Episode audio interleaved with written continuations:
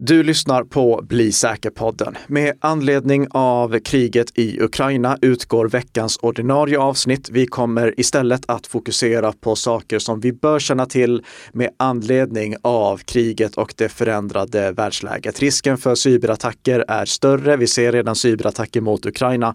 Det här är någonting som också kan påverka Sverige och vi måste därför vara beredda. Den här veckan kör vi därför ett lite kortare extrainsatt avsnitt och vi är tillbaka med ordinarie avsnitt förhoppningsvis redan nästa vecka. Tess, Ja, precis. Med anledning av den rådande situationen så vill vi passa på att tipsa om att läsa Myndigheten för samhällsskydd och beredskaps broschyr om krisen eller kriget kommer, som skickades hem till alla hushåll i Sverige 2018. Den går att beställa, ladda ner eller lyssna på via MSBs webbplats och broschyren finns även tillgänglig på lättläst svenska och är översatt till 14 andra språk. Och vi kommer ju givetvis lägga med en länk till broschyren i våra show notes. Ja, det är en bra påminnelse. I och med att det var ett gäng år sedan den skickades ut så kan det vara väl värt att eh, tipsa nära och bekanta om den. Framförallt eftersom de kanske inte fick den på ett språk som de kunde läsa. Det kan Nej. till och med vara värt att printa den och ge den till dem så att de har den här informationen, så att de vet vad som gäller i Sverige och så att de har listan med eh, liksom alla saker som de bör ha hemma ifall kriget kommer till Sverige.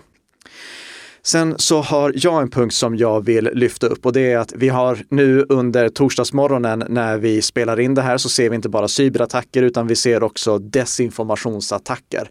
Och det vet jag eftersom eh, Ukraina och eh, Ryssland hävdar varandras raka motsatser. Så ja, det är bevisligen det. desinformationsattacker som pågår. Det här är någonting som kan spridas runt hela världen. Det är någonting som också kan påverka Sverige. Och jag har därför några saker som jag skulle vilja passa på att eh, påminna om.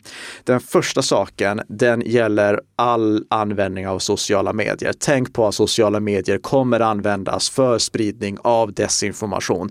Bli inte en nyttig idiot som hjälper till att sprida falsk information.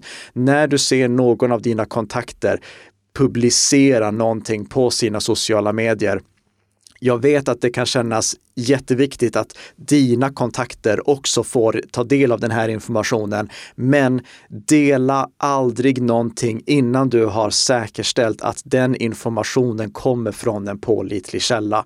Även om du litar på dina bästa vänner. Tänk på att dina vänner kan göra fel. Även om du ser att inlägget har delats jättemånga gånger, gör först en egen koll där du säkerställer att den här informationen faktiskt kommer från en pålitlig källa så att inte desinformationen sprids vidare och vidare och vidare utan att den ifrågasätts. Tänk också på att ett sätt som eh, jag tyvärr har sett i många andra sammanhang desinformation effektiviseras, det är att eh, någon tar en bild och sen så lägger de grafik ovanpå bilden för då mm. ser det ut som någonting som, en, eh, som ett nyhetsmedie, ett professionellt nyhetsmedie har publicerat.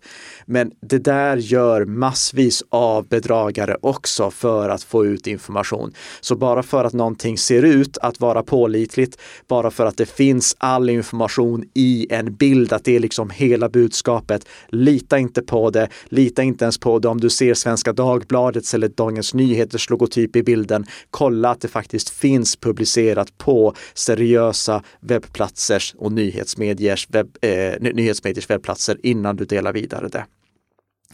Och sist men inte minst, vi har sett exempel på politiker och andra höga personer med betydande position i samhället kan jag säga, mm. som har fått sina Twitterkonton till exempel kapade. Om du därför ser en politiker eller någon annan person som man normalt sett eh, litar på och som inte brukar uttrycka sig på ett sätt som han eller hon gör just nu, fundera över om det kan vara så att han eller hon har fått sitt Twitterkonto kapat, om det kan vara så att eh, någon som vill sprida desinformation har lyckats hacka hans eller hennes konto, kanske på grund av att eh, personen hade återanvänt ett lösenord eller inte haft tvåfaktorsautentisering påslaget och därigenom börja pumpa ut massa desinformation.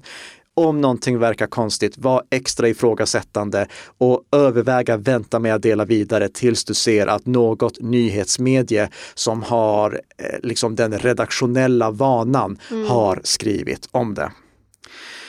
Sen vill jag påminna om att eh, internet är väldigt stabilt. Internet är byggt för att kunna stå emot krig. Det är decentraliserat så att det ska vara så stabilt som möjligt. Men det betyder inte att allting alltid kommer fungera.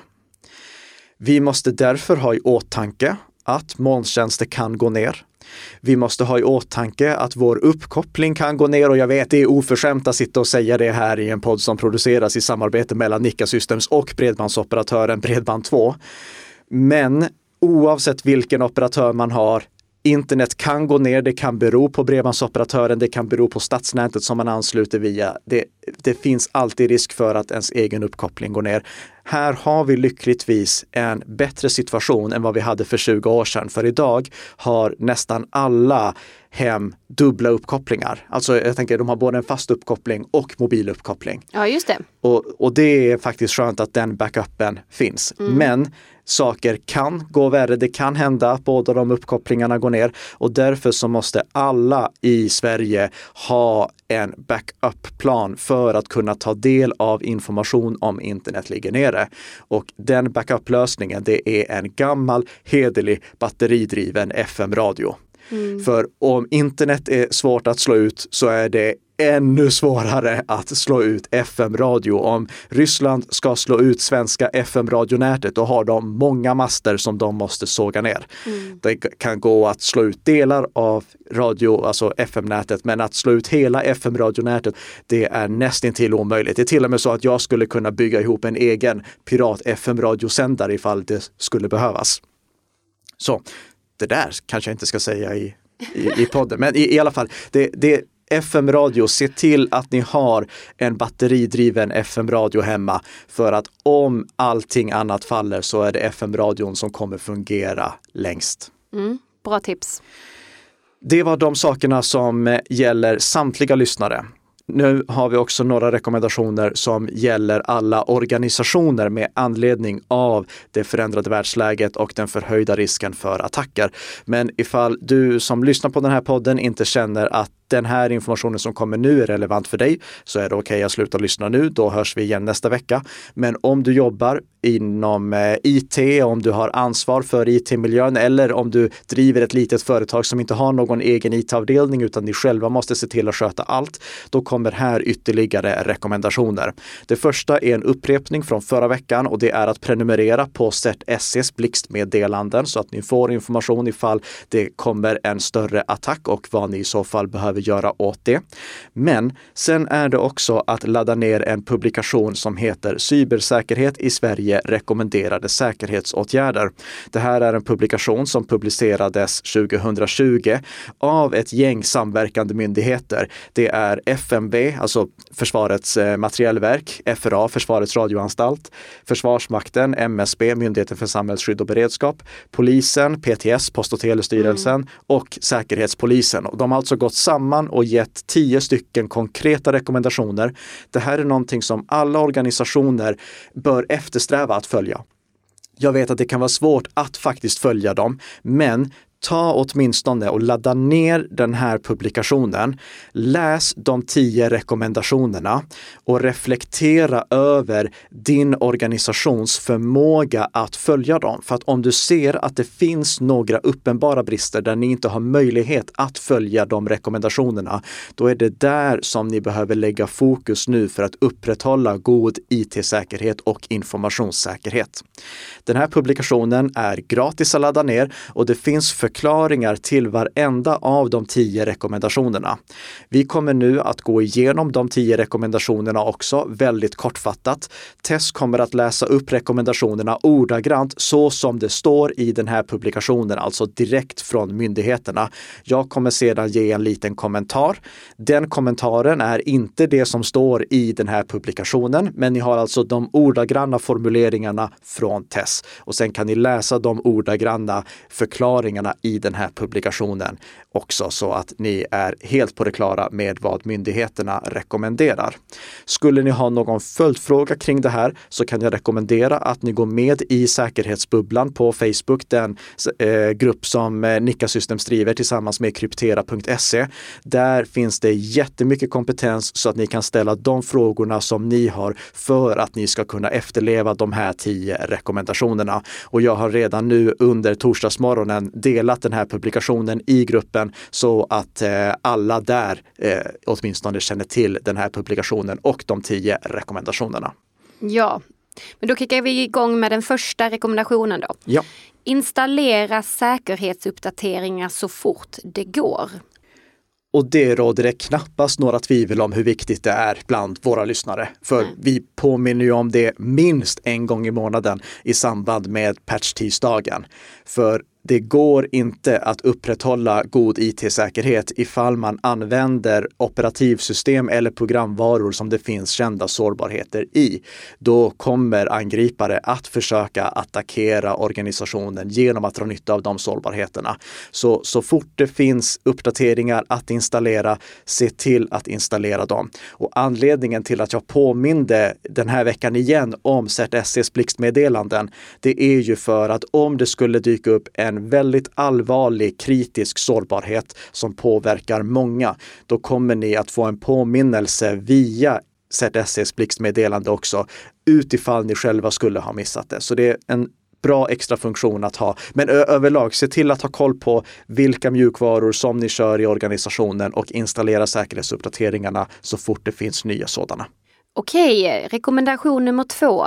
Förvalta behörigheter och använd starka autentiseringsfunktioner. Ja, se till att ingen obehörig kommer in i era system. Jag påminde när vi pratade om eh, desinformationsspridning, om tvåfaktorsautentisering. Mm. Se till att ha tvåfaktorsautentisering eller någon typ av stark singelfaktorsautentisering åtminstone för alla publikt exponerade tjänster så att ingen obehörig kan komma in. Det, det, det, är väl egentligen det. Se över vilka saker som är publikt exponerade. Allting som går att komma åt över internet. Se till att det där krävs stark autentisering för att kunna komma in. Ja.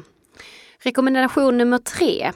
Begränsa och skydda användningen av systemadministrativa behörigheter. Ja, det här är ju för att eh, om du på din dator bara har användarrättigheter då kan du inte ställa till lika stor skada som om du har administratörsrättigheter. Det här gäller inte bara datorer, det här gäller också eh, till exempel eh, eh, molntjänster. Där, där ska inte en användare köra med administratörsrättigheter. Vi kan prata om så enkla saker som ett eh, eh content management system. Mm. Där ska den som lägger in information inte ha administratörsrättigheter. Det är praktiskt, yeah. men se, se till att låta användarna ha så låga rättigheter som möjligt för att det ska kunna ske så liten skada som möjligt om deras konton blir kapade och se till att det finns en enkel väg för användare att begära rätt rättigheter. För att om ni sänker rättigheterna så mycket det går, då kommer vissa användare förr eller senare behöva be om högre rättigheter för att kunna göra någonting. Se till att det finns ett lätt sätt för användarna att kommunicera det, att äska det, för att annars är risken att användare börjar hitta på egna lösningar för att kringgå de begränsningar som finns. Till exempel en användare med högre rättigheter delar sina användaruppgifter till en användare som har lägre rättigheter. Inte för att eh, den eh, användare med högre rättigheter på något sätt vill vara elak utan för att få vardagen att fungera. Mm. Så håll nere rättighetsnivåerna men se till att det finns möjlighet för användare som behöver högre rättigheter att få de högre rättigheterna eller att åtminstone eh, det går att kommunicera varför en användare inte får göra någonting. Ja. Fjärde rekommendationen. Inaktivera oanvända tjänster och protokoll. Ja, det här gäller för allting som är nätverksexponerat. Ifall det inte finns anledning till att en tjänst är exponerad på nätverket, åtkomlig över nätverket, se till att den inte är det. Framförallt inte mot publika internet. Mm. Så kolla vad som är aktiverat. Om du inte förstår varför någonting är aktiverat, stäng av det. Och slutar någonting funka, då blir du snabbt medveten om att det var någonting som behövdes. Men se över vilka tjänster som är exponerade mot internet, stänga av det som inte behöver vara exponerat.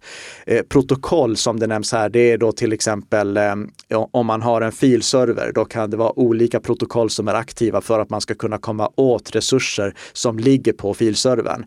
Och då kan det vara att eh, SMB1, SMB2 och SMB3 är aktiverat. SMB1 ska inte vara aktiverat under några som helst omständigheter. Så kolla igenom konfigurationerna, stäng av gamla protokoll, stänga av allting som inte behöver vara påslaget. Ta, mm. ta tillfället i akt. Om det var länge sedan ni gjorde en sån här granskning, då är det kanske dags att planera in den nu. Rekommendation nummer fem. Gör säkerhetskopior och testa om informationen går att läsa tillbaka. Exakt. Och det är ju en till sån här rekommendation som våra lyssnare troligtvis har blivit trötta på att höra. Ja. Men se till att det finns backup och se till att backuperna fungerar. Och en sak till faktiskt som jag vill lägga till nu med anledning av en sårbarhet som upptäcktes i ett eh, backup-tillägg till Wordpress. Se till att backuperna är korrekt skyddade. För att ifall backuperna är sämre skyddade än vad eh, systemen som de tar backup på är, mm. så är ju risken att backuperna läcker information. Just det. Den sjätte rekommendationen Tillåt endast godkänd utrustning i nätverket. Exakt, se till att det inte finns massa konstiga IoT-prylar och andra potentiellt sårbara prylar i nätverket. Jag vet att det är många organisationer av det mindre slaget som inte har den tekniska förutsättningen för att kunna begränsa det. Men då kan man åtminstone begränsa det på policyväg. Och det är då att man informerar sina användare om vad som är tillåtet att ansluta till nätverket och förklarar varför det inte är tillåtet att ansluta till nätverket nätverket. Mm. Ifall användarna sen har någonting de absolut vill ansluta till nätverket, se till att de då ansluter det till ett gästnätverk eh, så att inte allt som, eh, så att det inte finns några obehöriga produkter, några osäkra produkter, några produkter som inte organisationen själv har kontroll över som är anslutna till det huvudsakliga nätverket. Rekommendation nummer sju Säkerställ att endast godkänd mjukvara får köras. Och det här är i princip samma sak fast då för appar och program. Se till att eh, användare inte kan installera applikationer som organisationen inte har kontroll över, Organ, eh, appar som eh, organisationen inte har granskat. Det kan ställa till problem ifall de här apparna börjar skicka data någonstans som eh, IT-avdelningen inte är medveten om mm. att data skickas till. Det är också för att säkerställa att all information som eh, organisationen behöver säkerhetskopiera faktiskt går att säkerhetskopiera med de förutsättningar som organisationen har. Och det är för att se till att hela patch management-proceduren, alltså sättet som organisationen har för att säkerställa att enbart uppdaterade applikationer körs på organisationens datorer, att det ska fungera. Mm. Om organisationen inte har förutsättningar för att begränsa det här på teknisk väg, då är det samma sak som i nätverkssammanhang. Se då till att göra det på policyväg. Förklara för användarna att det här är de enda applikationerna som ni får installera. Förklara varför det är de enda applikationerna som ni får installera och ge dem möjligheten att faktiskt ha applikationer vid sidan av på privata enheter till exempel. Mm. Det, det, det, eh, användaren ska kanske få ha Spotify på en eh, privat dator vid sidan om, men, men, som då inte är kopplad till resten av nätverket. Det, kan hända att Spotify är en godkänd applikation, ja.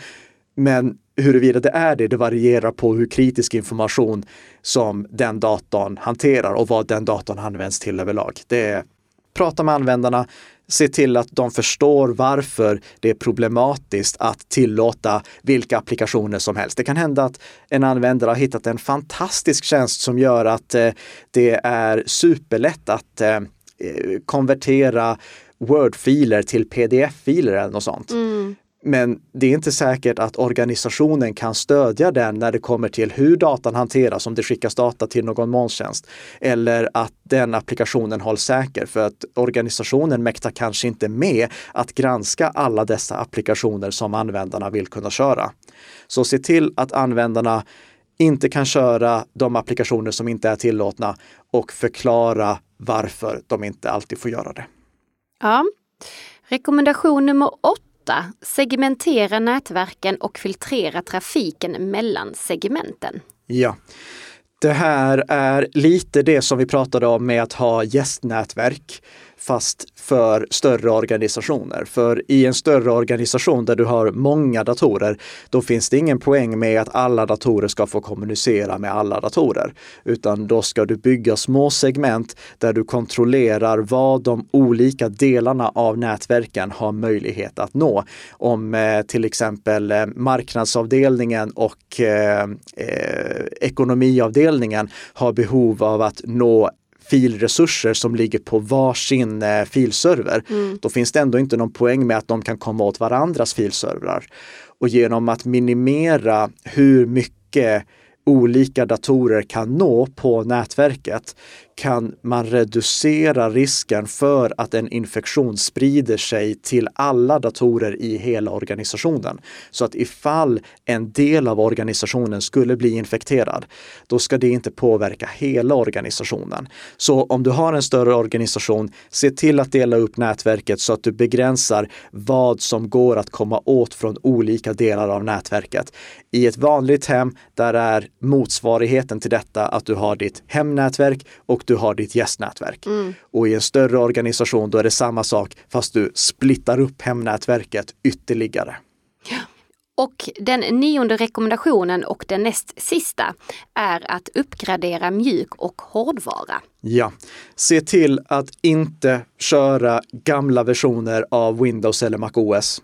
Det är mm. liksom inga Windows 7-datorer nu längre, eh, förutom om ni betalar för extra uppdateringar, vilket vid det här laget lär vara svindyrt med tanke på att priset på Windows 7-uppdateringar har dubblats de två ja, senaste åren. Ja. Men eh, se till att enbart underhållen mjukvara körs på underhållna datorer. Och det här med underhållna datorer, det vill jag trycka extra på med anledning av det som vi har diskuterat flera gånger tidigare, så sent som förra veckan. Då pratade vi om att Apple slutar att underhålla gamla mackar så att de kan köra aktuella versioner av MacOS. Och det stora problemet här, det är ju att de här gamla mackarna som inte kör säkra versioner av MacOS, till exempel MacOS eh, High Sierra, det finns ingen information på dem mackarna att, det, att de är osäkra. Apple borde ha en stor varning, observera, din dator är osäker, byt till Windows. Mm. Så kan de inte skriva. Men, det, men eh, det, det, är egentligen det som användarna får göra. Eller byta till nya eh, Chrome OS Flex när det är redo. För närvarande så är det ju då det som heter Google Cloud Ready som de får köra. Eller valfri Linux-distribution. Det går, går alldeles mm. ypperligt också. Men i och med att inte alla anställda känner till det här och i och med att de inte får den information de behöver direkt från Apple, se till att informera användarna om vilka versioner av deras eh, vilka versioner av operativsystem som underhålls och se till att de blir medvetna om de har en gammal Mac som inte går att uppgradera till en modern version av MacOS. Yes, och den tionde och sista rekommendationen Säkerställ en förmåga att upptäcka säkerhetshändelser. Ja. Se till att det finns möjlighet att upptäcka ett intrång. Se till att information loggas så att om ett intrång har skett så finns det information om hur det intrånget kunde ske. Se till att den här datan sparas någonstans där inte den kan utpressningskrypteras så att du inte förlorar informationen ifall du drabbas av en utpressningsattack. Det här är ju någonting som är svårt att åstadkomma i en väldigt liten organisation, men någonting som större organisationer definitivt bör ha koll på. Mm. Mer information om de här rekommendationerna formulerat exakt så som de medverkande myndigheterna vill att det ska vara formulerat, inte så som jag har formulerat det i podden nu. Det finns alltså i den tryckta publikationen som jag rekommenderar alla som jobbar med IT-säkerhetsfrågor och informationssäkerhetsfrågor att gå igenom. Och det menar jag så snart som möjligt. Alltså jag menar inte planera in att göra det här om en eller två månader, utan börja i alla fall med att så snart det bara går, kolla på de här rekommendationerna. Fundera över vilka av de här rekommendationerna som ni antingen inte kan följa för närvarande eller inte kan följa fullt ut för närvarande. Mm. Och planera därefter in när ni ska åtgärda det här. Då börjar ni prata om prioritering. Så gå igenom det så blir jag nöjd och Sverige blir lite säkrare.